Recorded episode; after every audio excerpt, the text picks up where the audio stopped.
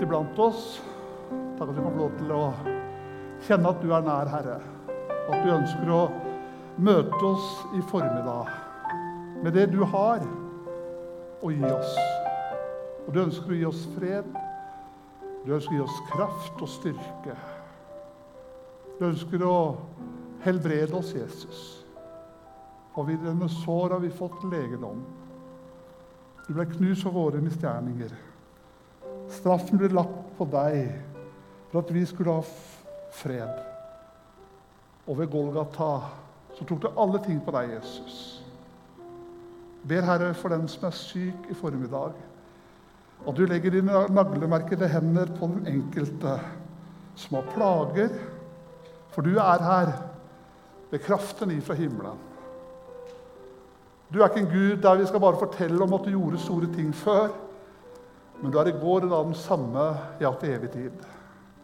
Så ber jeg nå om en strøm av legedom gjennom kropper her inne akkurat nå. Jeg ber med frimodighet at du er mektig til å ta bort plager. I Jesu navn så ber jeg om resten av møtet. La det ikke bare bli et møte i rekken av møter at vi er en søndag. Men la det bli en søndag der vi kjenner at du gir oss kraft og styrke til å gå videre. I Jesu navn. Amen. I dag så har jeg lyst til å tale om noe viktig. Det er jo sånn at eh, Når du taler, så har du lyst til å tale om noe viktig hver gang. Og det, det gjør vi jo forhåpentligvis stort sett hele tida. Man kan jo oppleve gudstjenester og møter og taler som kanskje ja, Det var ikke så viktig, det, men det var jo greit å høre om det. Men i dag så har jeg lyst til å tale om noe som er viktig. Og det er dette her med å gi det videre. Det å gi det videre. Det å på en måte ikke holde det for seg sjøl. Det holder på en måte ikke å ha et kirkebygg og tenke at det er løsninga for at vekkelsen skal komme. Det skjer vekkelse i verden i dag der det ikke er noe kirkebygg. Vi har et kirkebygg, vi har et verktøy. Men det er vi som er menigheten. Det er vi som er hans hender, hans føtter, hans ører, hans munn og hans øyne. Altså, vi er de som skal gi det videre. For det var sånn at Før i verden så sa vi oftere sånn at eh, du er for ung til du er for gammel. Jeg hørte ofte at jeg var ung, og jeg egentlig hører det innimellom enda at ja, du er ung, du, Geir. Jeg syns det er veldig oppmuntrende å høre det.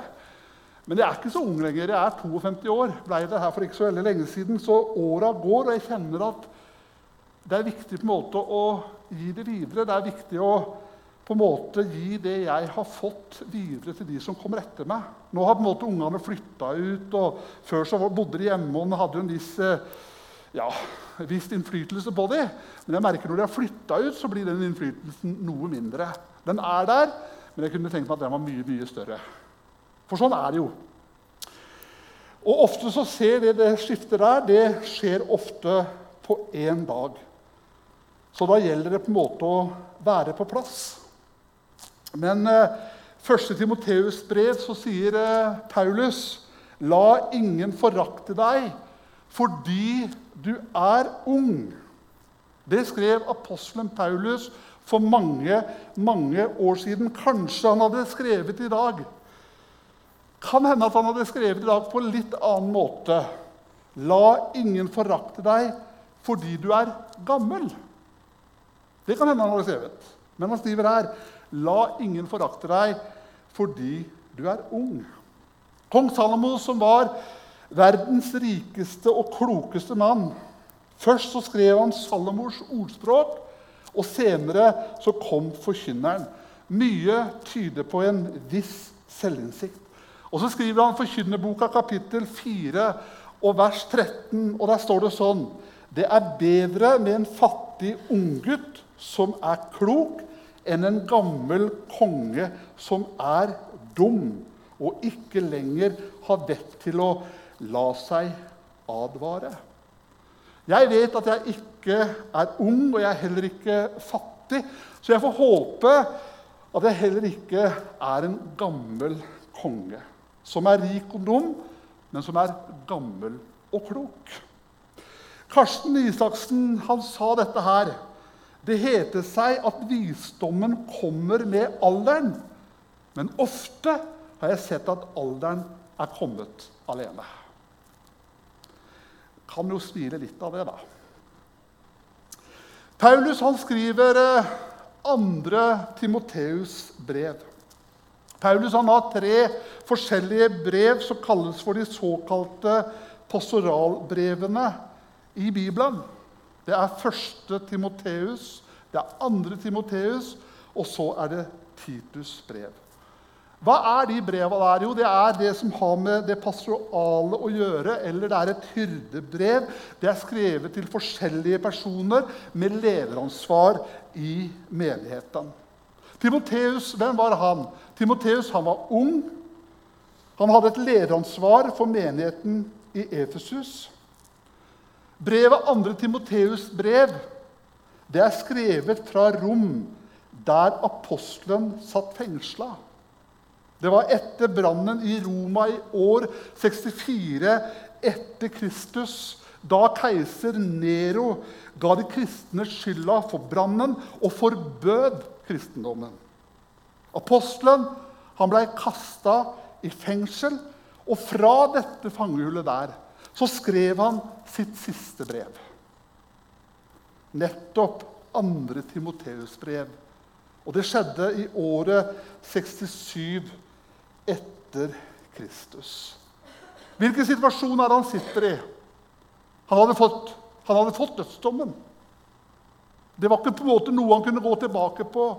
Men her så sitter han og venter på å bli henretta. Dette er det andre brevet han skriver til Timoteus. Han hadde skrevet først et brev, men han skriver nå et brev nummer to til Timoteus. Og hvem var Timoteus? Jo, han var en god venn. Han var en trofast medarbeider. På en måte Det mest personlige brevet av Paulus sine brever det kommer her i 2. Timoteus' brev. Det er et varmt brev til en nær venn. Det er et apostolisk hyrdebrev. Brevet er personlig, men det er mye mer enn at det er personlig. Det er på en måte fra en apostel til en disippel. Det er fra en mester til en læring. Man hadde kanskje sagt i dag at det er fra en biskop til sin prest. Så dette siste brevet her, som apostelen Paulus skrev, så overlever han stafettpinnen. Han vet at han skal dø. Han vet at han skal bli henretta. Og nå leverer han det til sin åndelige sønn og arvtaker Timoteus. Der han skriver i 2. Timoteus brev, kapittel 1 og vers 2 og 3 Timoteus, mitt kjære barn, nåde og barmhjertighet og fred fra Gud vår Far og Kristus Jesus, vår Herre. Jeg takker stadig for deg og husker på deg dag og natt i mine bønner til Gud. Så sier han videre Jeg glemmer ikke tårene dine, og jeg lengter etter å se deg igjen. Det vil gjøre meg inderlig glad. Jeg husker din oppriktige tro, som først bodde i din mormor Louis og i din mor Emnike, og jeg er overbevist om at den også bor i deg. Det er fra far til sønn, det er fra apostelen til disippelen. Det er fra én generasjon til den neste. Jeg vet ikke om du tenker på det, men det finnes en uavbrutt linje for hver eneste en av oss som er kommet til tro helt tilbake til apostlene. Det er på en måte fire generasjoners hender. Altså alt jeg har fått. Evangeliet, de gode nyhetene. Det betyr at det hele tiden at det er noen som har gitt det videre. Det er noen andre som ga det videre, og så tar man det imot, og så gir man det videre. Og Hadde ikke det vært noen som på en måte hadde gitt det videre, hadde ikke jeg stått her. Hadde det ikke vært noen som hadde gitt det videre, så hadde kanskje ikke du heller sittet her. Men det var noen som ga det videre, som så et ansvar at dette er viktig å formidle til de som kommer etter meg. Og Kanskje vi skal be om å la Ånden minne oss på åndelige og mødre og fedre som du vil takke Gud for.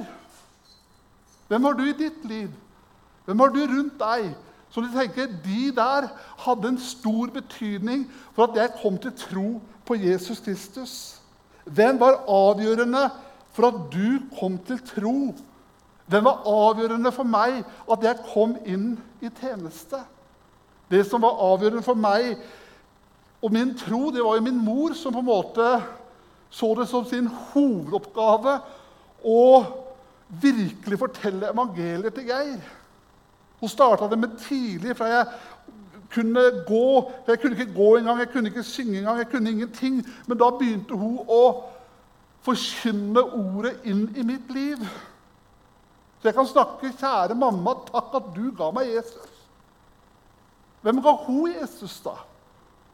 Det var ikke foreldra hennes som ga henne Jesus.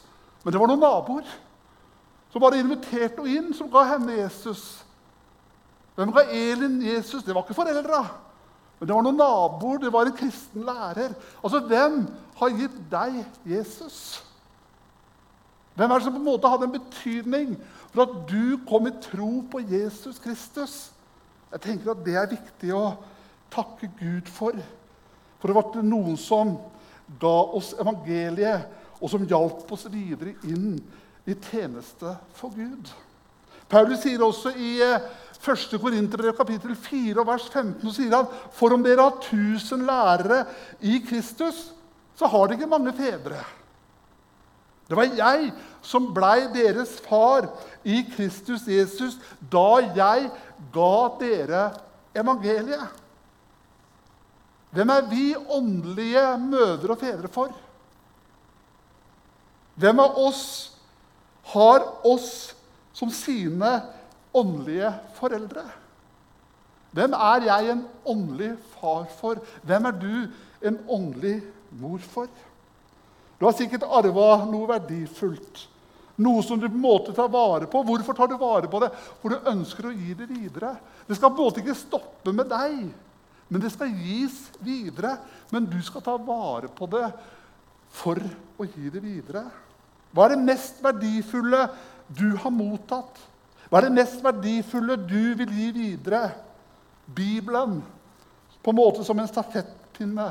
Evangeliet, som er den gode skatten. Og Paulus sier i 2. Timoteus brev, kapittel 1 og vers 14.: Ta vare på den vakre skatten som er betrodd deg ved Den hellige ånd, som bor i oss. Altså, vi tar ikke vare på evangeliet ved å beholde det for oss sjøl eller gjemme det bort. Men vi tar vare på evangeliet ved å leve det ut og dele det med nye mennesker. Grundtvigs salme er sånn hvor Gud han er så fast en borg jeg skal ikke synge den, du bør ikke være redd for det, men jeg skal ta og sitere den. At Guds ord, det er vårt arvegods. Det våre barn skal være. Gud, gi oss i vår grav den ros. Vi holdt det høyt i ære. Det er vår hjelp i nød, vår trøst i liv og død. Og Gud, hvordan det står, la dog mens verden står, det i vår ett nedarves. Så dette er min største arv og det viktigste arvegodset. Det har jeg lyst til å testamentere videre til neste generasjon. Kanskje vi tenker at vi har noe ting vi har lyst til å løfte fram som på en måte er vårt testamente eller ditt testamente eller mitt testamente. Hva er det vi på en måte ønsker det skal på en måte inneholde? Jeg tenker at Noe av det viktigste det er mine verdier og lærdommer. At verdiene jeg har, de ønsker jeg å formidle videre. Det er gode verdier. Ikke alltid gode verdier. Jeg har ikke tro at jeg står her som en sånn der ah, fullkommen greie. Jeg er så ufullkommen du kan bli. Men allikevel så har jeg noen gode verdier. Jeg har noen lærdommer. Jeg har levd et forholdsvis For noen jeg tenker Ja, det er noen år. Og så har jeg også noen lærdommer av det. Hva kan jeg på en måte gi videre til den neste generasjonen? Hva kan jeg gi videre til mine barn, til mine barnebarn, til de som er etter meg? Hva er det som har vært avgjørende viktig for meg i mitt liv og min tjeneste? Og jeg prøvde å tenke ut hvor lenge har jeg egentlig vært i tjeneste i dag til morgenen. Så tenkte jeg at jeg har egentlig prekt ganske lenge. For første gang jeg prekte, da var jeg 16 år. Og da sa mammaen min ikke prek den prekena en gang til. Men det var første preken jeg hadde. Så jeg starta tidlig. Så jeg har tatt med meg noen lærdommer av det. Evangelist Emanuel Ninos. Er det noen av dere som har hørt om han? Ja, takk for responsen. Det er en del som har hørt om Emanuel Ninos. Han døde for en del år siden. Han holdt sin første tale og preken da han var fem år gammel. Og da sto han på en stol, for han var så liten av vekst. Og i nesten 85 år så hadde han vært en forkynner av evangeliet. Han var evangelist i Europa og i andre land. Han har vært mye i de nordiske land, og selvfølgelig veldig mye i Norge. Kanskje en av de mest kjente evangelistene i hele Norge og Norden i de siste generasjonene, faktisk. Og når han døde, så var det nok en del som tenkte Hvor holdt han sin siste preken? Hvilken talerstol fikk lov til å oppleve den siste talen til Manuel Minus? Minos, ikke Minus, men Minos. Hvilken menighet det som opplevde det på den siste talen hans? Men Emanuels siste tale kom ikke fra en talerstol, men den kom fra en sykeseng. Det var ingen stor forsamling. Det var han aller nærmeste som var der. Et dødsleie den aller siste dagen hvor hans nære er der rett før han overgir seg i Guds hender. Så må han forsikre seg om at de alle er der. Og så nevner han spesielt svigersønnene ved navn. Og så hører han tydelig navnene. Han er klar over at de er til stede. Og så er det noe han siste han sier før han dør, og det er Vi må møtes i himmelen. Vi må møtes i himmelen. Så fikk han eh, dø som han hadde levd, med en brann om å vinne mennesker for Jesus og de aller, aller helst de nære han ønska å ha med seg, det var de nære og de kjære. Jeg klarer i dag, når jeg tenker i mine villeste fantasier, så tenker jeg hvordan hadde mitt liv vært uten Jesus? Og Noen ganger så tror jeg vi kan prøve å tenke den tanken hvor hadde jeg vært hvis ikke jeg hadde vært kristen og vært i tjeneste? Hva hadde jeg holdt på med da? Jeg prøver å tenke på det innimellom. Og kanskje noen ganger så har vi litt sånn tanke på Ja, tenk litt over det. Hvor hadde du vært? Hvordan hadde mitt liv vært uten Jesus? Da tenker jeg at alt, og absolutt alt, hadde vært totalt annerledes. Jesus, han er mitt livs store kjærlighet. Og så kommer Elin på nummer to. Men Jesus han er mitt livs kjærlighet. Han har betydd så mye i mitt liv. Han har vært der hele tida, han har vært til stede, han har vært med meg. Og Jesus han vant mitt hjerte som en ung tenåring. Jeg var 13 år da jeg på en måte bestemte meg for å si ja til Jesus. 14 år gammel så ble jeg møtt av Den hellige ånd på en sterk måte. Og ble fylt med tunger og talte i tunger. som 14-åring. Det var bare noe som skjedde. Hva har Jesus gjort? Jo, Jesus han har gitt mitt liv retning, og han har fylt mine dager med mening. Og Det blir bare større og større som åra går, for meg at mitt liv og min livsgjerning har vært kobla til Jesus. At han er og er min frelser og herre. Han er min brudgom og venn. Disse her hadde vært sammen med Jesus i noen år. Og så står det at etter dette trakk mange av disiplene seg unna og gikk ikke lenger omkring sammen med ham. Da spurte Jesus de tolv, vil også dere gå bort? Simons Peter svarte, Herre, hvem skal vi gå til? Du har det evige livs ord, og vi tror og vet at du er Guds hellige. Vet du hva? Det er en viss fare for at vi begynner å følge Jesus som disipler. Men etter hvert så blir vi proffe kristne. Og ledere som føler oss utlærte og vet best sjøl. En annen gang på den tiden var en stor folkemengde samla. Og de hadde ikke noe å spise.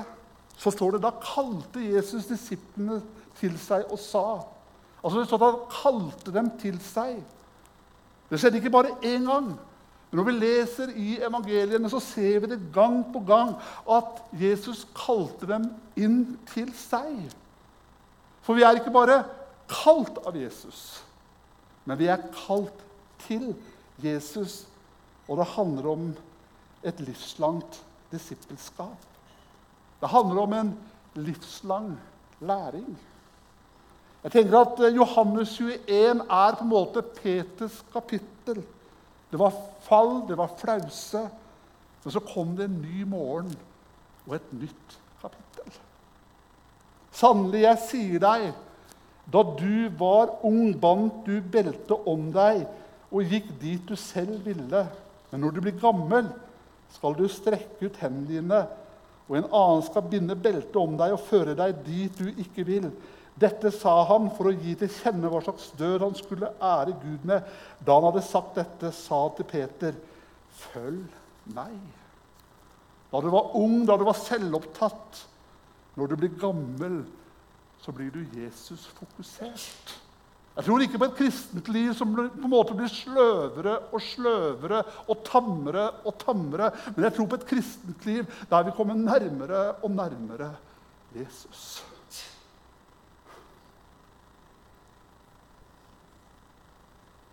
Jeg har vokst opp i en sammenheng som mente at de hadde en klar teologisk forståelse av nådens betydning. Det har jo aldri vært noen tvil for meg, iallfall i min oppvekst og, og, i min sammenheng som jeg vokste opp i, at vi var jo frelst av nåde. Det fikk vi høre på hvert møte. det. Hver sang de sang, så handla det jo om det. Jeg har hørt veldig mye forkynnelse om forskjellen på å leve under Guds lov og leve under Guds nåde. Jeg hørte om nådens hus, om nådens bord, om nådens gaver. Men det var ikke alltid slik vi levde. Vi tror på den gode læren om nåden, men evangeliets glade budskap har ikke alltid trengt igjennom til vårt liv og våre egne følelser. Og det er dessverre sant at det nettopp i den sammenhengen jeg vokste opp i, har vært stor mangel på nåde i praksis. De snakka mye om det. De sang om det. Men hvor var praksisen av nåden? Kravet til at det skulle bli lik alle de andre. Det var på en måte så stort. At spørsmål om det vi i dag anser som små ting, ble jo helt avgjørende for mange mennesker i forhold til Gud og menighet. Det var snakk om sminke og klær. Det var litt før min oppvekst, men jeg hører mamma fortelle om det. Det var mye snakk om det. Sminke og klær. Det var man opptatt av. Det var kino og TV. Hørte Mamma hun sa til meg at det, vet du, vet du hva, Geir? det er jo synd å gå på kino. så hadde jeg lyst til å gå og hente sagflis til kaninene mine på søndagen. Det gikk ikke an. Musikk og teater. Det var hatter og hår. Og det er jo vanskelig å forstå at på en måte nettopp hos de De som jeg hørte talte så mye og sang så mye om Guds nåde, så var det så mange nådeløse kristne. Så lett å falle i unåde. Jeg husker når Elin ble kristen og kom med i Elim Kragerø. Vi var jo veldig unge når vi ble sammen. Elin var nok noe umoden. Nei, hun var ikke det. Men hun kom i hvert fall og ble kristen. da. Det var før vi ble sammen. Jeg hadde jo på en måte blinka ut da, på leir før det. da. Jeg tenkte at det var mitt mål, at jeg skulle bli sammen med henne. Det tok jo vinter og vår. Men så kommer hun. Akkurat blitt kristen på leir. Så kommer hun på møte på Elim i Kragerø med alpelue, med palestinaskjerf og Henry Lloyd-jakke.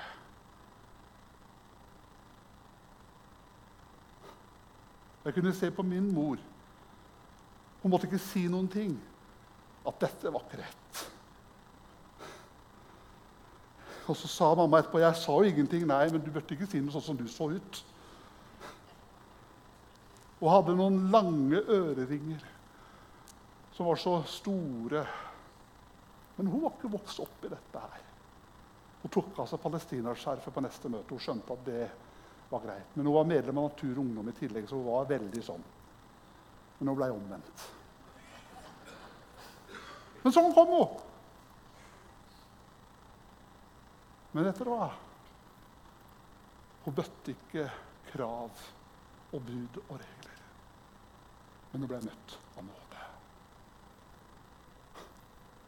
Hvordan møter jeg andre mennesker som er litt annerledes enn det jeg er? Jeg kan ha min, for, min holdning til det. Men hvordan møter jeg dem? Og hvordan møtte Jesus mennesker? Og Elin hun ble med i ungdomskoret også. Jeg var jo selvfølgelig dirigent av det ungdomskoret på 50 stykk.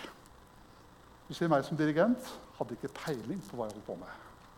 Men jeg gjorde det likevel. Gikk til og med på kurs for å bli dirigent. Kunne ikke note. Sang som et åpent sår. Men det gjorde jeg.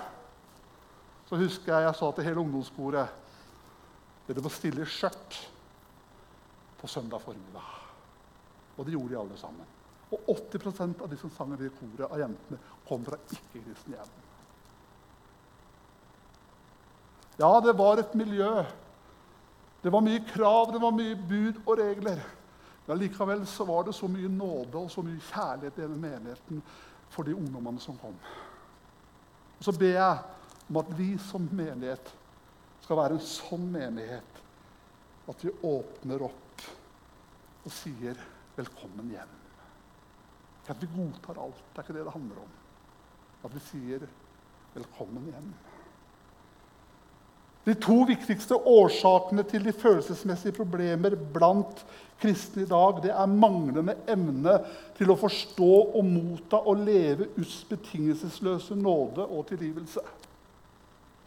Manglende nummer to det er manglende evne til å gi denne betingelsesløse kjærligheten, tilgivelse og nåde til andre mennesker. Så står det for av nåde er dere frelst ved tro. Det er ikke deres eget verk, men Guds gave. Det hviler ikke på gjerninger for at ingen skal skryte av seg sjøl. Det er så mange slitne ledere i dag. Det er så mange pastorer og folk som jobber i menighetslivet i dag, som blir så slitne av å prestere. Jeg tenkte da, Også i dag til morgenen så tenkte jeg igjen skal jeg gå på en talerstol for jeg vet ikke hvor mange ganger, så skal jeg på en måte prestere. Jeg skal gjøre noe bra. Og det er ikke sånn alltid når jeg har talt at jeg tenker at dette var det innertid på. Nei, mange ganger så er det minustid. Den opplevelsen av at jeg klarte ikke å levere som jeg ville. Jeg klarte ikke å prestere. Og Ukeavisen Ledelse tar tak i dette her med utbrenthet, som truer syv av ti unge ledere. Over 60% av norske ledere svarer at de enten har vært utbrent eller er i risikoen for å bli det. Blant ledere under 35 år er tallene enda mer. Her svarer over 70% bekreftende på samme spørsmål. Og så sier vi Hvorfor er det så få pastorer? Hvorfor er det så få ledere? Det finnes i alle kirkesamfunn så er det mangel på mennesker som kan gå inn i tjeneste. Og så stiller man spørsmålet hvorfor.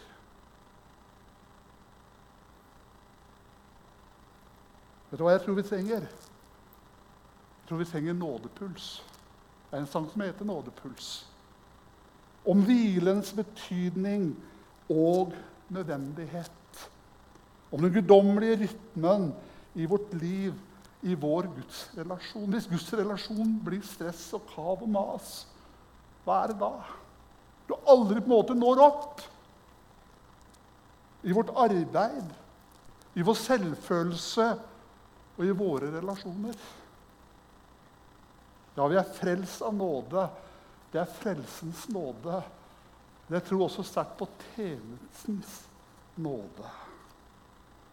Kanskje du tenker at ja, man har det lett i tjenesten, alt går veldig bra osv. osv. Men hva sier Paulus her? Jeg kan bare lese det. Jeg takker Ham som gjorde meg sterk i Kristus Jesus, vår Herre, for at han, alt, for at han viste meg tillit og satte meg til tjenesten, jeg som tidligere og vår Herre Jesu nåde har vært oversvømmende rik og har gitt meg tro og kjærlighet i Kristus Jesus. Mitt liv har vært større enn mine ambisjoner.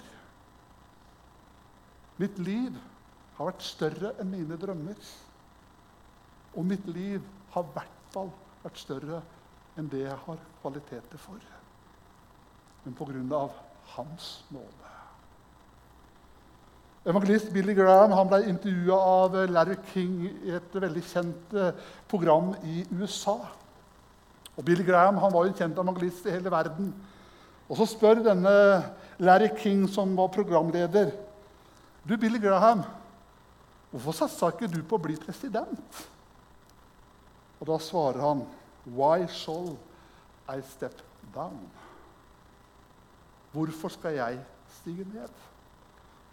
Det største han gjorde, det var nettopp å være evangelist og være i Herrens tjeneste helt til han døde. Jeg tror det er viktig å leve i ånden der det er mye ånd, er det mye vekst. Der det er lite ånd, så er det lite vekst. Åndelig liv og vekst er et spørsmål om ånd. Jeg klarer ikke å forstå, forestille meg at jeg hadde på en måte vært pastor i dag uten at Jesus hadde døpt meg i Den hellige ånd og fylt meg med Den hellige ånd. Og så står det her på samme måte kommer også Ånden oss til hjelp i vår svakhet. For vi vet ikke hva vi skal be om for å be rett. Men Ånden selv går i forbønn for oss med sukk uten ord. Jeg er ikke selvlært, men Ånden har kommet meg til hjelp. Nøkkelen det er denne ånden i Jesu liv. Jesus ble født av ånden. Jesus ble fylt av ånden. Jesus ble ledet av ånden. Jesus ble drevet av ånden. Og etter dåpen, ved innledningen til sin offentlige tjeneste, så står det fylt av Den hellige ånd, vendte Jesus tilbake til Jordan.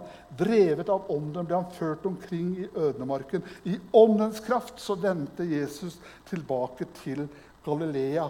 Og så sier han at 'Herrens ånd er over meg', for han har salvet meg til å forkynne et godt budskap for fattige. Han har sendt meg for å rope ut at fanget skal få frihet, og blinde for syn igjen, for å sette undertrykte fri og rope ut et nådens år fra Herren. Er vi avhengig av Den hellige ånd? Ja, vi er totalt avhengig av Den hellige ånd.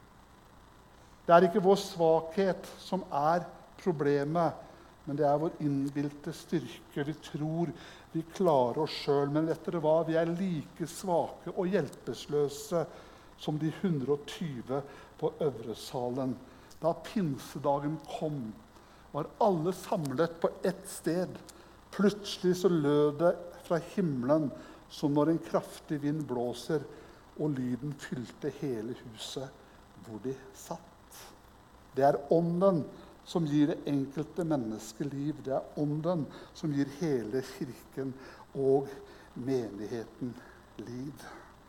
Vi trenger ikke bare trosopplæring, men vi trenger troserfaring. Av frykt for jødene hadde disiplene stengt dørene. Der de var samlet, så åndet han på dem og sa, 'Ta imot Den hellige ånd'. Jesus han gikk omkring overalt mange prøvde å holde Jesus fast på deres sted, men Jesus han gikk fra by til by, fra bygd til bygd. Han gikk ikke bare fra synagoge til synagoge, men han gikk omkring overalt. Så står det at Jesus fra Nasaret ble salvet av Gud med hellig ånd og kraft. Og han gikk omkring overalt og gjorde vel og helbredet alle som var underkuet av djevelen, for Gud var ved ham. Så avslutter kan det kom opp. Med Karsten Isaksen. Du har også hørt om han. Prest og forfatter og foredragsholder. Ble født 22.2.1944. Døde 18.1.2016, 71 år gammel. 35 bøker solgt i en halv million eksemplarer. Mer enn 4500 foredrag. Hans salgstall Sanne sidestykke i norsk kirkehistorie. Den mest solgte kristne oppbyggelsesforfatter i Norge gjennom tidene. Jeg fant fram en gammel bok av Karsten Isaksen helt tilbake til 1979 som heter 'Fjellet som ikke flyttet seg'. Eller 'Fjellet som flytta seg'. Og så sier han der Og det er godt, det han sier. Om vi slo en sirkel rundt våre norske rundt vår norske kirke så fant vi at de fleste holder til i yttergrensene. Menighetsliv, foreningsliv, kirkegang faller ikke naturlig. De fleste ser ikke hva som skjer der inne. Hører ikke de ord som blir sagt på sentralt hold. Det finnes så mye ulykkelig religiøsitet. Ser vi ikke tydelig i Det nye testamentet at Jesus nesten alltid beveget seg i kirkens yttergrenser. Det var de som sterkest savnet det han hadde gi. Men hvis Jesus fortsatt helst ferdes i kirkens yttergrenser, hvor er da egentlig kirkas sentrum? Kirkens sentrum er der Jesus er. I sin siste bok, 'Lyspunkter', som han kom ut med i 2003, så skrev han Jeg lever mitt liv i oppstandelsens konsekvenser.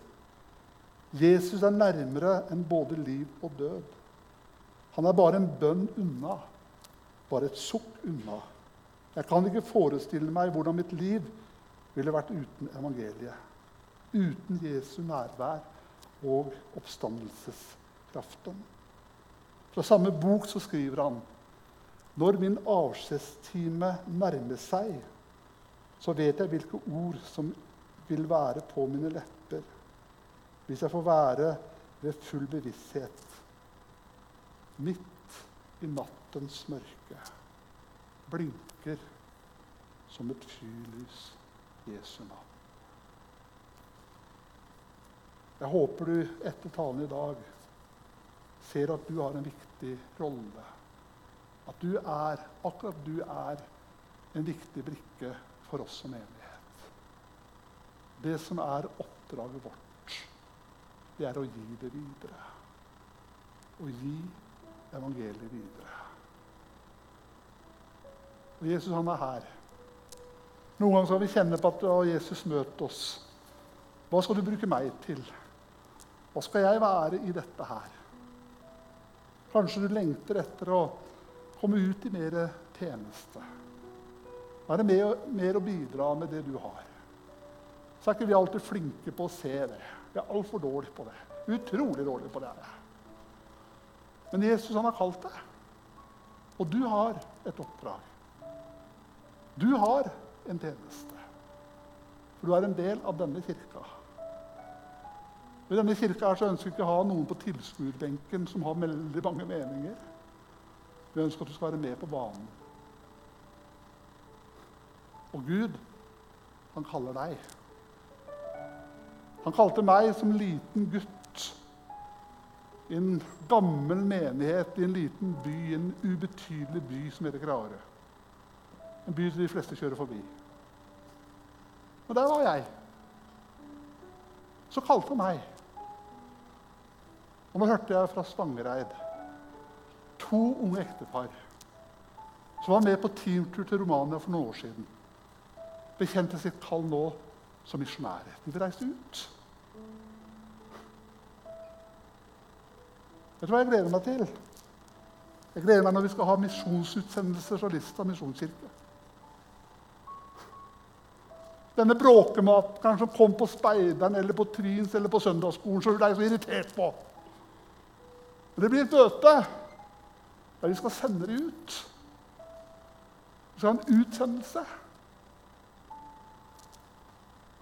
For at det skal bli en realitet, og for at vi skal få det til, så trenger vi deg. Vi trenger i hvert fall penga dine. Nei da.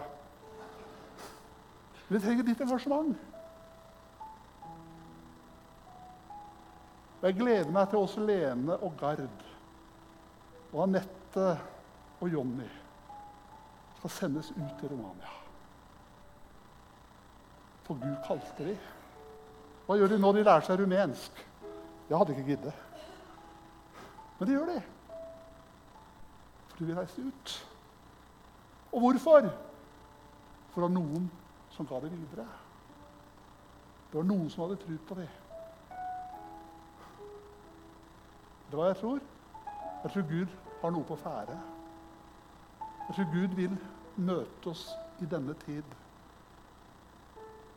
Så la oss ikke sette oss tilbake. La oss ikke være passive. La oss være aktive. Og Her er det ingen aldersgrense, heldigvis. Det er ingen pensjonisttilværelse i Guds menighet.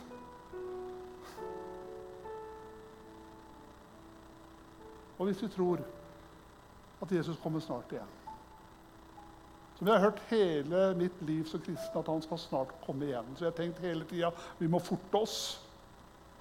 Ja, kanskje vi må forte oss litt. Kanskje det handler om å